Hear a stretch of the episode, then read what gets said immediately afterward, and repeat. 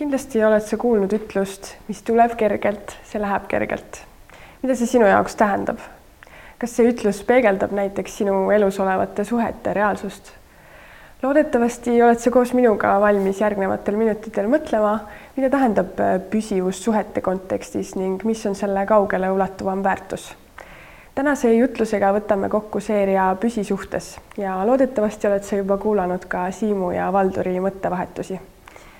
Ma tahaksin siia alustuseks öelda, et kindlasti ei räägi ma täna siin sellel teemal sellepärast, et oleksin selles kuidagi silmapaistvalt eeskujulik, pigem hoopis vastupidi. olen pidanud nii püsivust kui teisi sellega sarnaseid omadusi, näiteks kannatlikkust või järjepidevust endas pideva teadlikkusega nii-öelda taga otsima seega on selle teema lahti mõtestamine mulle paras väljakutse ning ma tean, et minu tänased mõttekäigud on sama palju suunatud mulle endale kui kellelegi teisele. Kui me nüüd vaikselt sellesse teemasse süveneme, siis äh, püüan sulle järgnevalt kirjeldada olukorda, mille sarnaseid oled oma elus kindlasti kogenud. kõigepealt tekib sul mõni soov või eesmärk, millest siis kogu äh, protsess alguse saab näiteks võid sa igatseda mõne pilli või keele selgeks õppimist, füüsiliselt tugevamaks saamist või miks mitte kas või pensionifondi suurema hulga raha kogumist. näiteid võiks muidugi lõputult tuua. selle sooviga kaasneb tavaliselt eh, hea kogus motivatsiooni ja põnevust, mis meile tihti uute asjadega alustades hea tõuke annavad. otsid eh, taustainfot ja astud esimesed sammud, kuid mõne aja pärast tajud, et eesmärgini jõudmiseks pead kujundama teatud rütmi ja plaani, et end eh, distsiplineerida ja ehk endale isegi meelde tuletama, miks sa selle teekonna algselt üldse ette võtsid. siin tulebki mängu püsivus.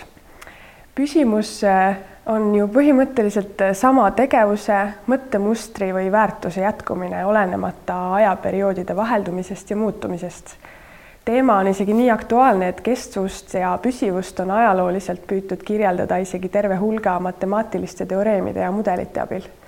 keegi on öelnud, et püsivus on see, kui sa ikka veel teed midagi, mida oled lubanud teha, kuigi lubaduse andmise hetkel sind saatnud tuju või tunne võib juba ammu möödunud olla.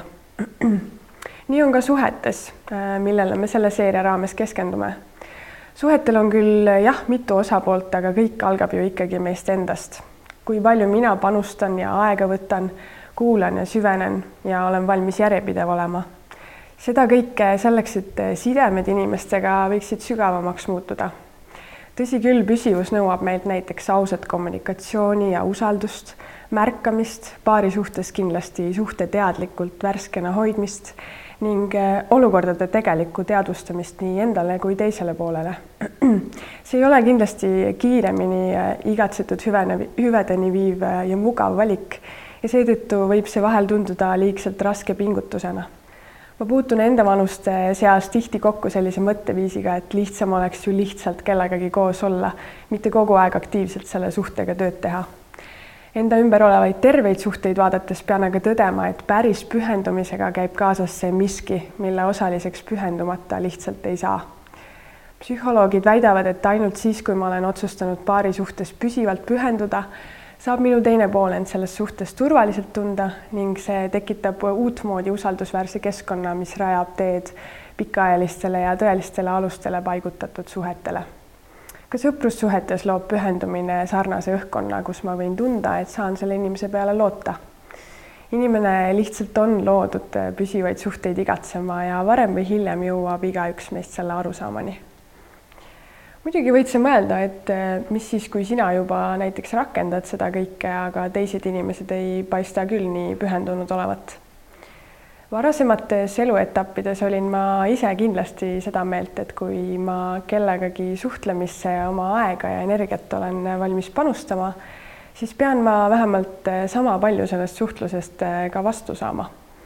Täna, olles kristlane, tekitab sarnase mõtteviisiga kokkupuutumine minus natuke sellist sisemist konflikti muidugi tuleb siin ka objektiivselt hinnata, et millised suhted sinu elus üldse on võib-olla ei ole sinu elus olevad inimesed üldse valmis sinuga sarnasel tasemel pühenduma. või on mõni äh, suhe sinu elus isegi hoopis lammutav, äh, mitte ülesehitav. Mis puudutab aga väljaantava vastusaamist, siis äh, vaatame korraks, mida õpetas Jeesus. Luuka evangeeliumis seisab selgelt. ja kui te teete head neile, kes teile head teevad, mis tänu te selle eest ootate? isegi patused teevad sedasama. ja kui te laenate neile, kellelt te loodate tagasi saada, mis tänu te selle eest ootate? ka patused laenavad patustele, et nad samavõrra tagasi saaksid ma mõistan, et äh, see ei ole muidugi praktikas alati nii lihtne, äh, kuid sellel kitsal teerajal hoiab äh, mind isiklikult teadmine, et Jumala plaanis elatud elu toob hetkelise mugavuse asemel tõesti igavese rahu ja kindluse. pealegi on Jumal inimestega olnud püsiv algusest peale, püsiv armuga ja andestusega, püsivalt meid varustamas ja kasvatamas isegi Jumala loodu peegeldub, äh, peegeldab püsivust, näiteks äh, päeva ja öö vaheldumise või kasvõi inimese südame rütmi löömise näol. Ameerika pastor ja autor Rick Warren on öelnud, et piibel tervikuna räägib loo järjepidevusest. see lugu on kirjutatud rohkem kui tuhande aasta jooksul seal on üle neljakümne erineva autori, kes on olnud ka väga erinevates ühiskondlikes staatustes, näiteks äh, karjased või maksukogujad või isegi kuningad. ometi on selle tervikloo sõnum äh, algusest lõpuni sama ja püsiv. Jumala armastus inimese vastu ja lõpuks lunastuse pakkumine oma poja Jeesuse Kristuse läbi. Jumala igatsus on olnud, et see tõde meie igaüheni kohale jõuaks kui püsivus on aga Jumalast ning meie oleme tema näo järgi loodud, siis äh, saab ainult järeldada, et püsiv olles järgimegi parimat plaani oma elude jaoks. esimese korintlaste kirja viisteist viiskümmend kaheksa julgustab meid, olge kindlad, kõigutamatud ning ikka innukad issanda töös, teades, et teie vaevanägemine issandas ei ole tühine.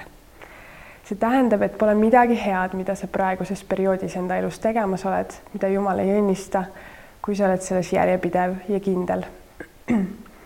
püsivuses kasvamine toob meid meie elu äh, kutsumusele ja eesmärgile lähemale ja see, nii saab tõeliseks Jumala plaan meie eludes.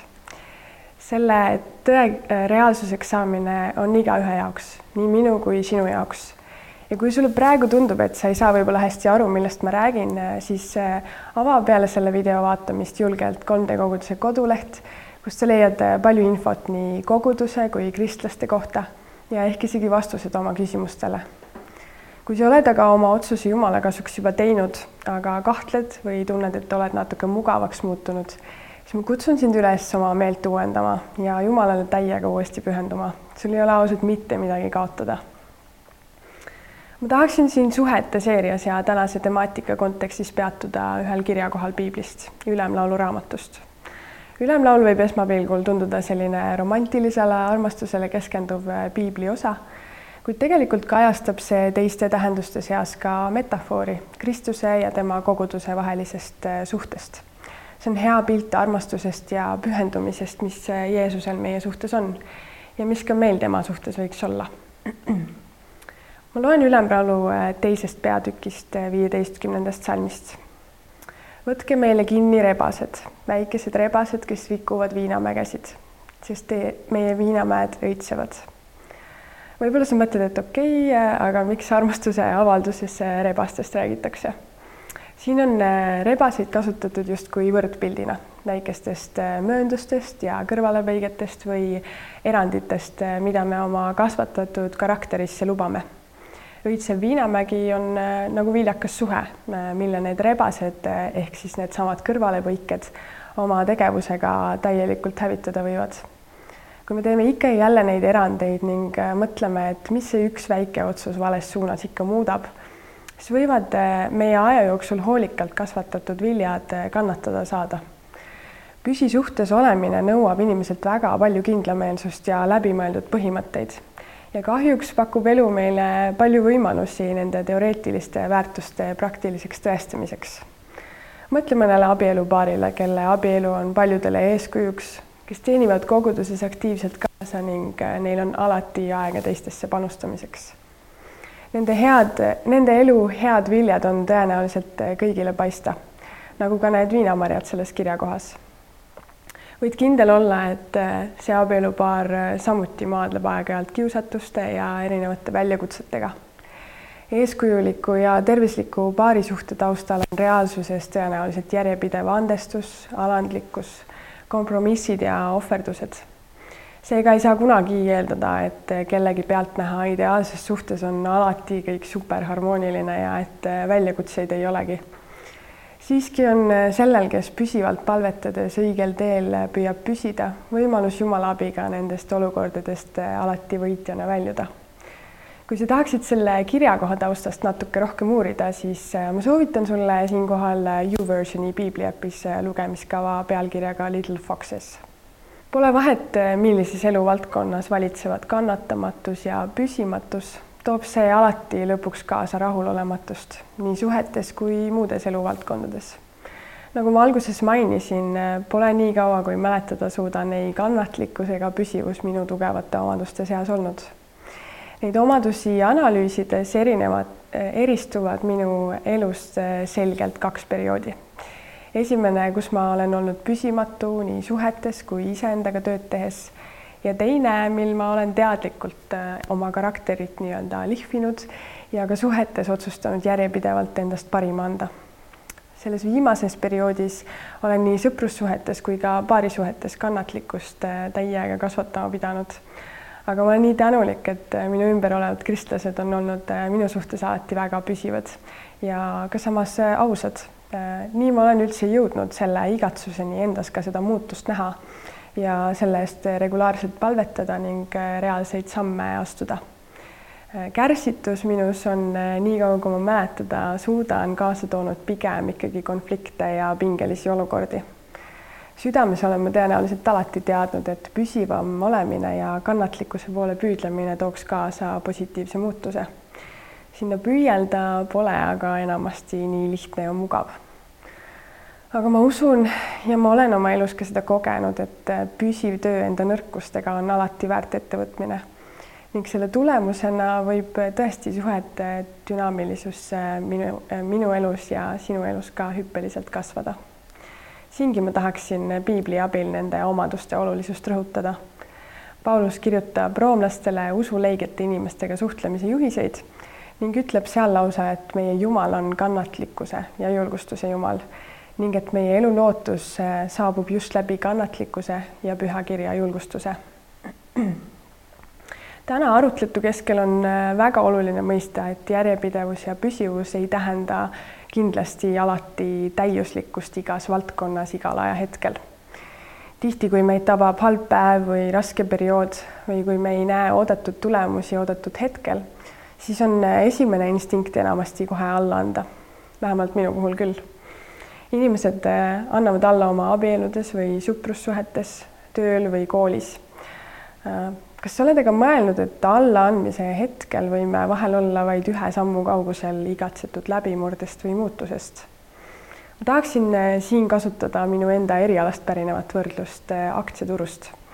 Oled sa kunagi investeerimisega tegelenud või mitte, ma usun, et sa enam-vähem tead, et eh, selles maailmas toimetamiseks on vaja ühte sellist head pikka perspektiivi kui igapäevaselt sealseid väikseid muutusi jälgida, võib nendest äh, vahelduvatest tõusudest ja langustest päris suur stress tekkida.